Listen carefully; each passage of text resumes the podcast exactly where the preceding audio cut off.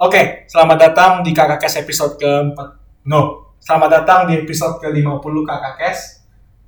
Gua Muhammad Awi Karunyado, host biasa lo dan gua hari ini bersama dengan Viva Kadring Merdeka Halo guys. dan kita kedatangan tamu Rimba Arya Surya Dipuro selamat malam saudara-saudara. Rimba Rimba Arya Suryodipuro. Jadi jadi um, a bit of background, Rimba itu sarjana hukum dari eh, Dari Universitas Pelita Harapan. If you want to talk in English, it's fine, bro. Yeah, actually you should just say in English. Yes, I hail from the Universitas Pelita Harapan. I'm an undergraduate of law.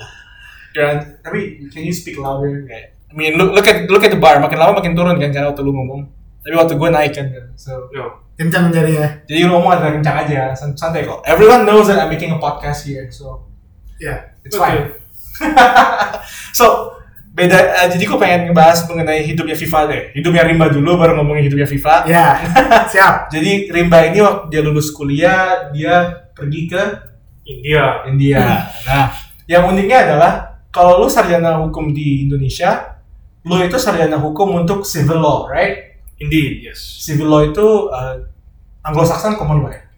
Eh, civil law itu yang berasal dari kontinental Eropa. Iya, paling dari Eropa yang hukumnya correct me if I'm wrong. Yang hukumnya ada pasalnya, jadi udah udah ada kalimatnya, udah ada strukturnya gitu loh. Iya, perbedaannya dari common law adalah salah satunya itu menggunakan stare decisis.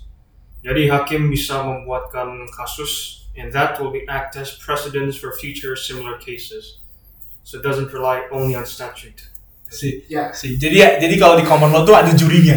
Indeed, Kalau di civil law nggak ada jurinya, orang hakim langsung lihat pasalnya aja, langsung dibahas dari pasalnya kan. Iya. indeed. Ya, nah. Jadi uniknya dia lu- lulus dari Indonesia kan civil law, sedangkan India itu common law. Hmm. Um, kenapa lu waktu itu ke India? Waktu itu saya ingin mengalami hidup orang India kayak gimana. And also the structure of its civilization juga. Dan juga struktur manusia kayak gimana. The way he speaks like a robot, but it's fine, right? Yeah, it's, it's fun bro. It's fun to hear. So you wanna see the structure and you wanna live in India, you wanna you know feel the society of Indian people. Yes, Like you want to observe. I see, I gitu. see, I see. iya, Um, tepat sekali. Jadi apa yang lu lu kerja itu di mana? Di law firm atau di Waktu itu saya magang di salah satu foundation, semacam think tank, awesome. yang membahas tentang isu-isu maritim. Oh wow, beda banget. Lu kan no look tuh think tank di India. Indeed. think Ya, tank di India, maritime law. Yes. Maritime law pun beda nggak sih sama Indonesia di India? Sama nggak? Eh, i, di think tank yang saya sebut magang itu bukan hanya hukum maritim, but maritime issues in general, including geopolitical issues, as well as maritime technology and other factors, including including um, natural resources in the ocean I see. and how to procure them, Lu like kenapa? underwater gas reserves. Right, right, right. Lu, lu kenapa bisa kerja di situ? Uh, apparently, the admiral, he's the head of the foundation, a vice, a former vice admiral. He suggested my father that if I wish to get more exposure about maritime issues, that I should be, I should intern at that institution, gitu. lembaga tersebut. I see, I see. How, lu, lu berapa bulan kerja di situ, bro? Uh, sekitar dua bulan Dua bulan. Lu, lu, pertengah. lu, lu, lu ke India itu tanggal dari awal September 2018 sampai September 2019 satu tahun. jadi 12 bulan. Du- Dua bulan pertama lu kerja sih di di, di think tank guy. Kerjanya Di mulainya foundation itu. bulan Juni sampai akhir akhir Juli 2019. Oke. Habis itu kerja di mana lagi? satu balik ke Indonesia. Di Indonesia. balik Indonesia aja. Nah, gue kan tadi kan lu bahas mengenai culture di lu juga pengen belajar culture di India and the way people are structured in, on- in, in- in India, right? Hmm. Bener. Um, apa perbedaan yang paling jelas lu lihat dari orang Indonesia sama orang India? Salah satu perbedaan yang sangat besar di India adalah sistem kastanya. Oh, it still exists. I'm sorry gue potong ya, sorry gue potong. Tapi itu masih masih exist. Iya, benar saudara Ahwi Karyanyado. Lucu banget. Itu udah ingrained in people's mind. It has existed for centuries, and now it has become an everyday part of, in, of Indian society. So it's like the part of the culture itself. Yes. It- even even the legal system in India, in, in India recognizes scheduled class, uh, classes. That means itu kelas-kelas atau kasta yang tidak beruntung yang paling rendah. Kayak sudra atau pariavari. Oh, so the kasta thing, the, the level thing. The caste. Social caste. Iya, caste kan sebenarnya, tapi kayak bahasa simpelnya ya, ya strata lah, strata, strata sosial. Uh, Iya. the Um, social class ya. itu baliknya ke keyakinan mereka gitu ya, ke agama mereka. Iya, benar. Itu udah takdir mereka sesuai dari lahir sampai meninggal. Itu Sampai wafat. sama sama, sama kayak di Bali nggak? Kalau di Bali kan ada yang dari pertama yang Brahman yang paling tinggi ya. Iya. ya baru berikutnya kesatria ya kan baru pedagang kalau salah gua Kalau- maaf mohon maaf kalau gua salah ya tapi itu singkat gua nah di India juga sama apa tidak Iya, itu kastanya in general kayak gitu, tapi ada subcast dalam caste. Nah, itu sangat banyak sekali. Tapi in general kasta atau di bahasa Hindi varna emang in general itu organisasi gitu disusunnya. even even even it comes into the official law in India berarti ya Iya, mereka ada recognize special rights buat kasta yang paling rendah. The namanya s- di India disebutnya scheduled castes. oh wow kan Hmm. kalau di Indonesia kan juga ada tuh yang hukum di luar dari hukum nasional kan itu hukum adat eh, Hukum adat. hukum adat ya kan itu juga dinilai kan bahkan hukum agama di Indonesia juga dinilai kan Iya. Jadi hukum itu ada berapa? Satu dong. Satu dong. Solidaritas dong. Ah, gimana sih? tapi tapi korek ini yang wrong kalau misalnya hukum itu secara general itu ada tiga kan. Pertama pidata, Perdana. dan Perdana. perdana baru traktat kan. Traktat itu yang internasional. Ya. Perdata, pidana, sama traktat. ya. Traktat internasional kan? Internasional. Jadi, iya.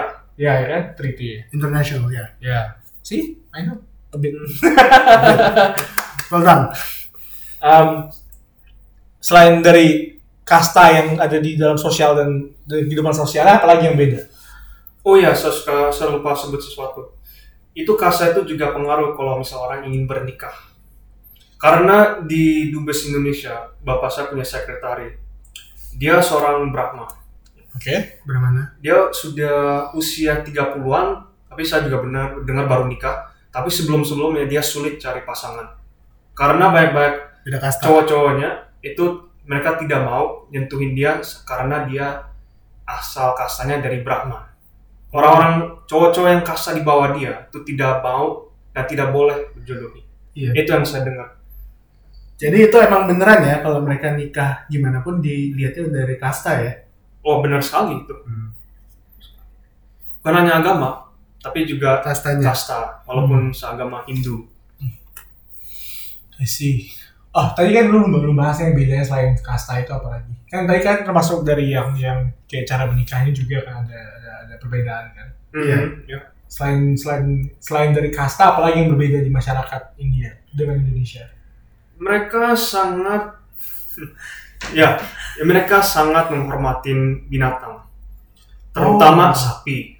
I see, I see. itu sangat sensitif isu-isu masalah-masalah sapi dan itu binatang tersebut tidak boleh disakitin atau dianiain atau maupun di juga dijadiin makanan Harus dihormati banget artinya gitu ya. oh iya pernah ada berapa kali kasus orang terduga membunuh sapi langsung digebukin masa di Uttar Pradesh Di- itu adalah wilayah di India Utara Jadi, jadi kalau di Indonesia ada namanya main hakim sendiri kan yang tiba-tiba, "Woi, maling!" digebukin langsung. Langsung dipukul. Iya, langsung dipukulin sampai akhirnya ada ada pengaman setempat gitu. Tapi kalau di India juga begitu berarti. Oh iya polisi aja pernah ada kasus di dibakar pol- stasiun polisi ada di saya pernah baca di koran Desember 2018 di salah satu kota di Uttar Pradesh juga terjadi polisi itu uh, he was involved in a, in a case involving cows and he himself was also killed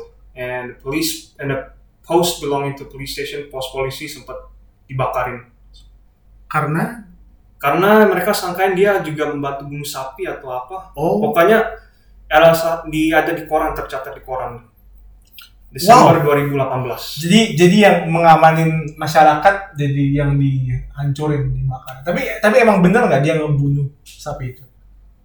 Ah, itu cuma hanya dugaan.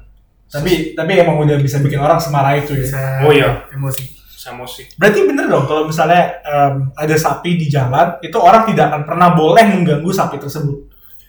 tidak boleh Jadi Iya. jadi dibiarin aja di situ. iya dibiarin aja Kalau misalnya ada mobil motor harus muter berarti itu. oh iya benar. atau tunggu gitu Iya, dan juga nggak boleh meres susu dari sapi tersebut. Saya pernah nanya ke kawan saya dari orang India, itu sempat sama eh, satu magang. Saya pernah nanya, nanya iseng aja, tuh kalau sapi di jalan boleh nggak sambil susunya? Ah, oh tidak boleh, lu gila ya. Eh, Lu lu nggak pulang rim kalau misalnya lu diam di peras. ya balik ke sini lah anjir Oh, kayaknya udah, udah almarhum deh. Tapi oh jadi lu dari 12 bulan kan lu di India, lu 2 bulan bekerja di tempat itu, lu di think tank itu, lu tempat kerja selain itu ada nggak? Eh, enggak sih. Yang lain cuman ya jalan-jalan ngalamin India. Tuh. So is there any any funny event yang lo lihat di India misalnya um, kalau di Indonesia kan ada banyak banget tuh kejadian-kejadian lucu. Salah satunya bisa kita lihat di KRL gitu kan misalnya Hmm. atau MRT gitu atau MRT gitu kan. Kayak kadang juga ada kejadian yang cukup menyebalkan untuk orang-orang kota. Misalnya saat ngeliat orang makan di KRL segala macem itu kan jadinya kayak resah-resah tapi pengen marah gitu kan, tapi pengen lucu juga. Ya banyak lah cerita lucu di di, Hmm. di, di, di, di transportasi umum, di transportasi publik kan. Ya. Nah kalau lu Nah. ada nggak di, di ya kalau di India kira-kira apa Iya. gitu ini ya? ini asumsi gua aja karena kan di India itu kan populasinya jauh lebih banyak dari kita kan. Oh ya, Kalau saya tiga kali lipat ya, Iya, dia se- hampir satu miliar atau udah satu miliar kali ya? satu dua miliar. satu sampai dua miliar. Iya, estimationnya. Ya udah satu, satu m lah nggak salah gitu. kan. Kita aja Indonesia baru 270, 267 lah. Ya. Mungkin 267, 270 lah asumsinya gitu. Nah ada cerita lucu nggak dari dari dari Oh. Negara tersebut itu. dari, dari dari India dari pengalaman lo di India? Iya, sempat tanggal 9 Desember saya lagi di kota Bangalore.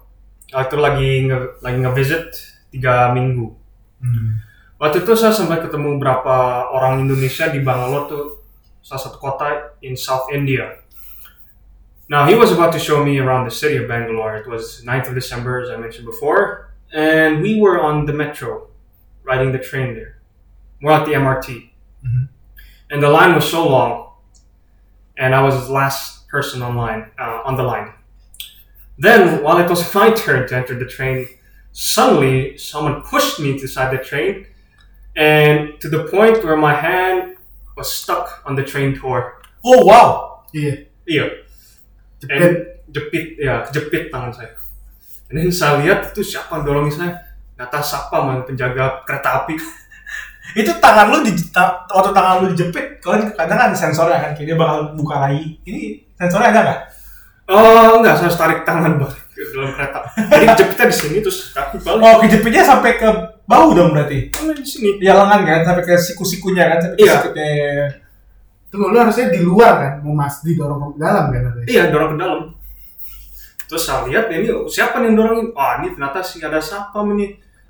Terus habis itu terus saya ya, merasa mau gebukin. Tapi masalahnya nggak mau cari masalah, soalnya kan saya teman saya itu. Ya, itu salah satu cerita yang lucu deh menurut saya.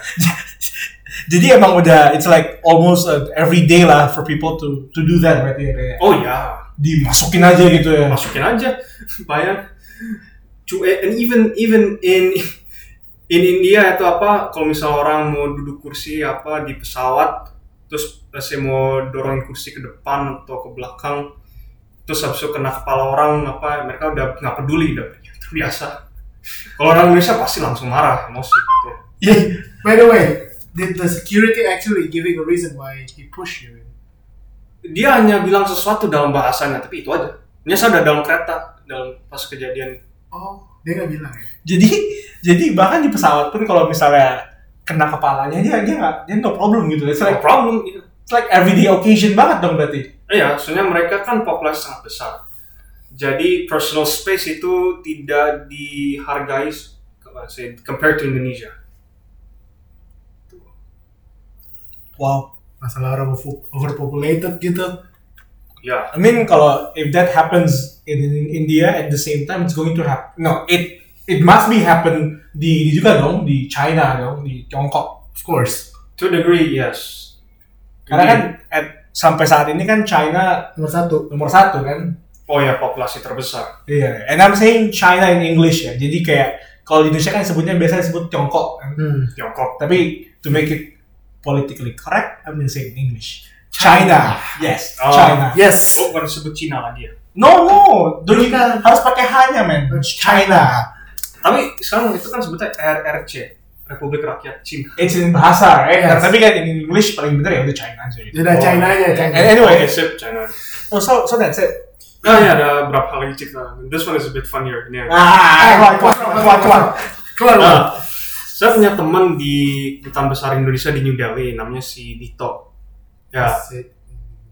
and he has a friend from Finland, uh, a female friend. And one time they booked a ticket to the Taj Mahal. She was visiting in India. Apparently, she booked the cheapest train to Taj Mahal. And she wasn't aware what's the condition like. And boy, it was a train from New Delhi And the Taj boy, Mahal in the cheapest train, the cheapest train carriage, and boy, it was full of people, and not just that, it was summer, so you can imagine the stench of the sweat, Iya, iya, iya, iya, iya. and also It's all men. yes, mostly it's men, and in the middle of the journey, apparently someone grabbed uh, Dito's friend's ass. The female The from female- Finland. Yes, yes Oh, she got molested. yes, and he. And so Dito was pissed. He almost tried to threaten him and beat him up. But then she said, "No, no, no, it's fine. You know, don't do this and all." The reason why is because she was wearing, let's just say, provocative shirt, you know, revealing clothes, you know, as Oh, like- typical female Western tourists. Right. And booked a cheap. Cheap train to Taj Mahal. Cheapest. The cheapest train to Taj Mahal. never forget cheapest bukan yang cheap doang lah Oh boy. cheapest. And and boy, don't forget it's summer and it's very hot, and you know the stench was everywhere. It this he emphasized while telling the story to me. Wah, itu musim panas itu baunya orang ini." Wow, that's what I mean. Wow, wow, wow. Yeah, I mean, female har- harassment of female as an you know, uh, huge issue in India. I see. it's kind of like uh, a lot of issue with her isn't it Oh yes, ini dia itu mas- salah satu masalah terbesar di India. So, oke. oke Jadi lo pergi per- pergi dari pergi ke Taj Mahal and going back. It's using the cheapest train. Yes, that's what he told me. She, her um, Dito's friend from Finland, booked the cheapest train to Ch- Taj Mahal. She wasn't aware of the condition, like mana. Oh, you're, you're not going along with that, tapi kayak Oh no no no no. Uh, dia cuma cerita aja. Alright. She- And boy, this is just one of the, the crazy story that he told me in India. Uh, there's also another one also involving her, but I don't know if this happened before or after. Wow, wow. Yeah, yeah. No, no, no. Oh, Wow, wow, wow, wow, wow. Okay, personally, what is your last funny story on India? While you're in India. Hmm. Let's see. Funny story in India. Hmm. Let me think. If There's any. Oh yes. As I mentioned before, animals are w- well protected in India. Not just cows, but also dogs and monkeys even. So one time I went to the kitchen inside Umawisma, and then I saw a monkey climbing up the stairs. And then I went to the kitchen and told my mbak, eh, mbak tuh ada monyet naik tangga. My mbak didn't believe me. Ah, masa? And then when she opened the door, she screamed. There's monkey. Yeah, and then I told her, ya kan, I- kan gue bilang ada monyet. And then she told me, iya tapi kamu bilangnya pakai bahasa biasa aja, nggak ke- nggak kaget, nggak terkejut. Ya, dia, dia kira saya bercanda ada monyet. So, so- soalnya she assumed uh, about the presence of the monkey based on my voice because I told her in uh, you know this tone of voice, eh mbak tuh ada monyet tuh, and she didn't believe me. I see, I see. Unbelievable. great Oke, jadi, jadi lo cuma kerja dua bulan, terus and then you live in di sana gitu, right? Oh yeah, and then I uh, obtained the important information while I was interning there, because as I mentioned before, it is a think tank dedicated to uh, Maritime discuss law, maritime law, maritime issues in general. geo geopolitical natural resources and everything, right? Yes, especially. We're, we're we're not gonna delve into that thing. So, No. um, then you go back to Indonesia again. You're here. Mhm. You you you you you was um lo lo lo lo lo di balik dari India itu tanggal balik dari India. Uh, September pertama tahun lalu. And then you immediately uh, magang di law firm di Indonesia. Iya. mm, Di law firm sebuah law firm yang bernama Accept. I see, I see. So you di situ magang berapa bulan? Dua bulan. Oh, kinda short ya, dua bulan. ya? Iya. So now there are plans, ada rencana untuk mau coba jadi uh, junior associate tuh saranan uh, berapa associate sama partner, tapi waktu itu tiba-tiba full, uh, udah penuh full posisinya. Oh, I see. So you either you continue as an intern atau lu get out from that place gitu ya. Yes, Karena kan berarti kan jenjang karirnya udah penuh kan, berarti kayak there's no more opening for you to be a Hmm. junior associate, right? iya. although uh, salah satu partnernya suggest saya jadi editor atau apa, tapi kelihatannya agak lebih agak sulit sih. Soalnya kata salah satu partner lain yang saya tanya itu katanya banyak orang yang mau jadi editor tuh biasanya usianya minimum udah 30-an, udah pengalaman.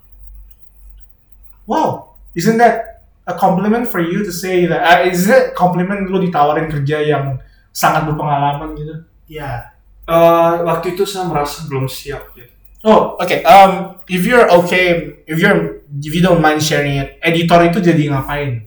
Saya just bukan editor yang misalnya dari terjemahan dari bahasa Indo ke bahasa Inggris, tapi bu- juga editing about eh, like a memorandum dan hal-hal Laws. lain. Ya laws itu. Oh, berarti kayak MOU, letter of intent, itu semua lu bikin gitu ya? Iya kayak gitu. I see, I see. Oh, um, MOU, letter of intent itu uh, seperti perjanjian kayak soft commitment. Yes. Dan, Dan, dan I think that you kalau misalnya lu denger podcast ini, lu harus cari tahu mengenai itu. Karena biasanya itu sering dipakai di dunia bisnis, Hmm. either in in complex scenario atau misalnya sebelum kalian masukin itu ke dalam kontrak yang legally binding. iya. Yang itu juga prinsip Pacta Sunt Servanda juga berlaku. Yes. Apply. yes. Jadi, jadi kayak before you itu biasa dibikin supaya prosedurnya cepat. Jadi kayak we both commit to do this with this uh, notion dengan dengan cara seperti ini. Hmm. Tapi baru akan dimasukin ke dalam bagian legalnya setelah uh, semua selesai gitu. loh. Jadi kayak biar cepat aja biasanya dibikin kayak gitu kan. Iya benar. Mas. Di dunia startup juga kalau lu tahu uh, ada namanya term sheet. Term sheet itu biasanya dikasih investor dulu, lu tanda tangan, uangnya masuk, tapi nama investor belum masuk ke akta perusahaan Hmm. di akta perufa- perusahaan itu biasanya setelah 2-3 minggu setelah uangnya masuk karena things must, in business kecepatan itu nomor satu sih mobility nomor satu hmm. right? so soft commitment is needed Uh, anyway um, lo terakhir magang di that law firm tanggal November ya, 29 20 yeah. Iya. 29 something ya. November uh, 9th or 8th, 20 2019. 19 November Ok- jadi Oktober Sep- November September, Oktober, November dong. Desember habis November Desember ya Iya. Oh man, gue lupa anjir. Sorry banget. So December and no January. Where where are you going for work now? Um, do you have something in mind, like some place in mind that you want to go?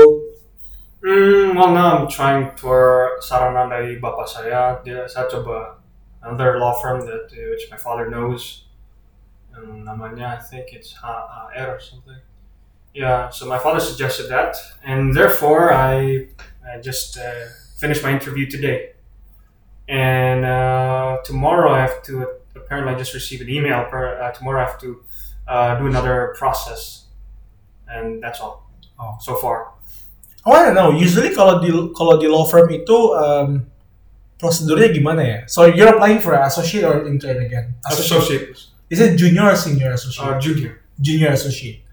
So when people say associate itu biasanya langsung dinilai sebagai junior associate. Yes. I see, I see, I see. So, Kalau kalau jadi kalau emang kalau emang yang fresh graduate setelah baru lulus, kalau misalnya dibilang mau langsung ditawarin jadi associate, pasti of, of course langsung uh, apa namanya mulainya ke junior associate dulu. Kecuali kalau misalnya emang udah senior, udah banyak pengalaman kerjanya, mungkin ditawarin langsung jadi mid atau senior associate oke, oke. atau mungkin partnersnya. Gitu sih. Partner pun ada ada ada ada, ada start aja kan junior partner, senior partner, baru managing partner kan? Iya. Iya, iya. Ya emang ya emang di di di di, di firma atau di di berbagai kita emang beda-beda sih. Kayak kayak ada yang suka kadang sebutnya principal. Anyway, ya gitulah ceritanya Iya iya. Um, so kalau di dunia uh, lawyering berarti ya, ini lawyering berarti kan di law Hmm. firm kan? Iya. Di dunia lawyering itu pertama lu intern, Mhm, and then after intern you junior associate, Mhm, Iya. then baru senior associate, mhm. mhm. ya kan? Iya. Baru junior partner, senior partner baru uh, managing partner. hmm. Atau usually lu bisa abis junior partner lu keluar bikin law firm sendiri gitu, biasanya gitu kan? iya jadi founding partner di law firm lu sendiri gitu Oh, okay. I want, I want to talk about the model of uh, law firm in general. Karena kan latar belakang gue adalah gue bikin usaha itu selalu pakai PT kan, perseroan Hmm. terbatas kan. Sedangkan other than PT itu selalu ada model-model lain kayak CV, uh, CV CV apa namanya CV? Uh, Limited partnership. Kalau di Inggris lebih L, L, L, LTD berarti ya. Eh, eh, no, enggak dong enggak dong LLP dong itu dong. Yeah, for CD, it's limited partnership one.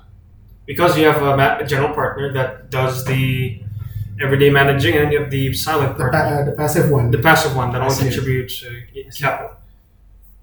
Tapi PT sendiri pun bukan LTD dong. Eh enggak, P- partner itu bukan LLC kan?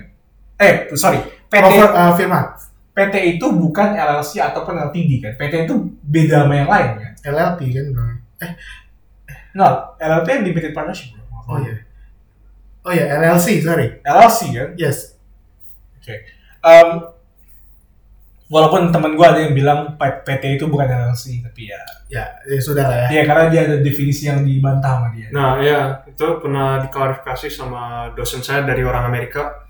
Ada terjemahan tuh PT ke limited liability company. Tapi menurut dia bentukan PT itu similar to a corporation dan limited liability company dalam definisi di hukum Amerika itu beda. sama di Indo Beda dari Indo ya.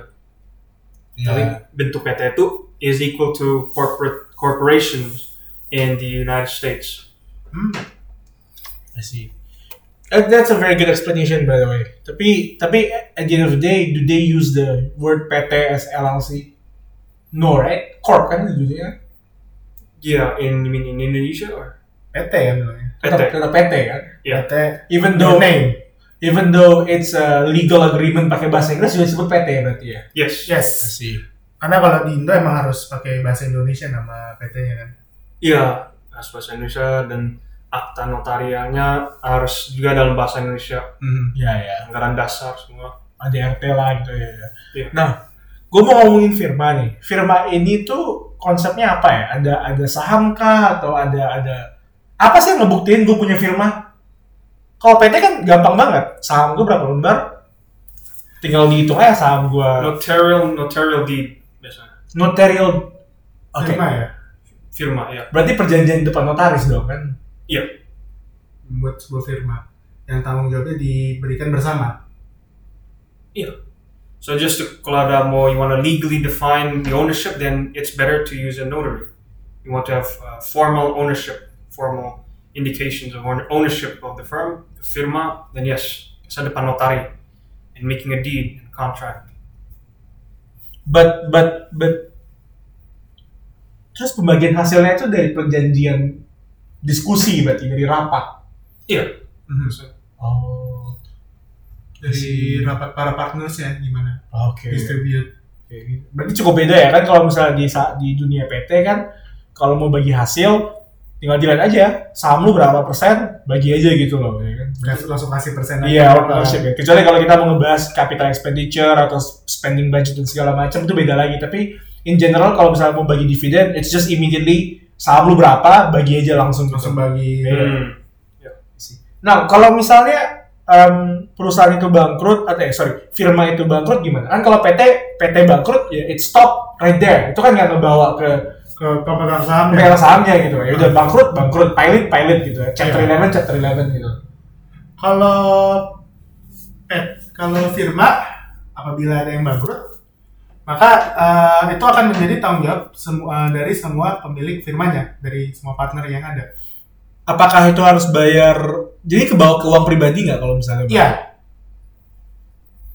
Jadi misalnya nih ya, katakan firma punya hutang 50 miliar, Mhm. aset 42 miliar, berarti ada kekurangan 8 miliar kan? Hmm. 8 miliar itu harus dibayar pakai uang partner. Iya. Iya. Iya. Iya. Partner harus eh, part- pa- pemilik dari sebuah firma itu harus involved dengan eh, uang personalnya ke eh, hutangnya itu juga. Oh Right. wow, wow, wow, wow. I see, I see. Makanya itu jadi benar-benar bersama, benar-benar hidup dan mati bersama itu ibaratnya. Jadi misalnya, misalnya gue ngomong nih yang skenario yang lebih lebih real gitu kan. Hmm. Kan kalau di perusahaan atau organisasi besar nih, lu fa- misalnya kita bertiga nih, eh, Karuniado, Viva Kadri Merdeka, Rimba Arya Surdi- Suryo Dipuro, kita bertiga bikin usaha. Ya. Usahanya gede banget. Ah. Tapi umur gue udah 60, kalian semua juga 60, kita kasih ke generasi berikutnya. Ah. kan kalau kita bentuknya PT, even though gue udah keluar dari PT gue, saham gue masih ada, ada pembagian hasil loh.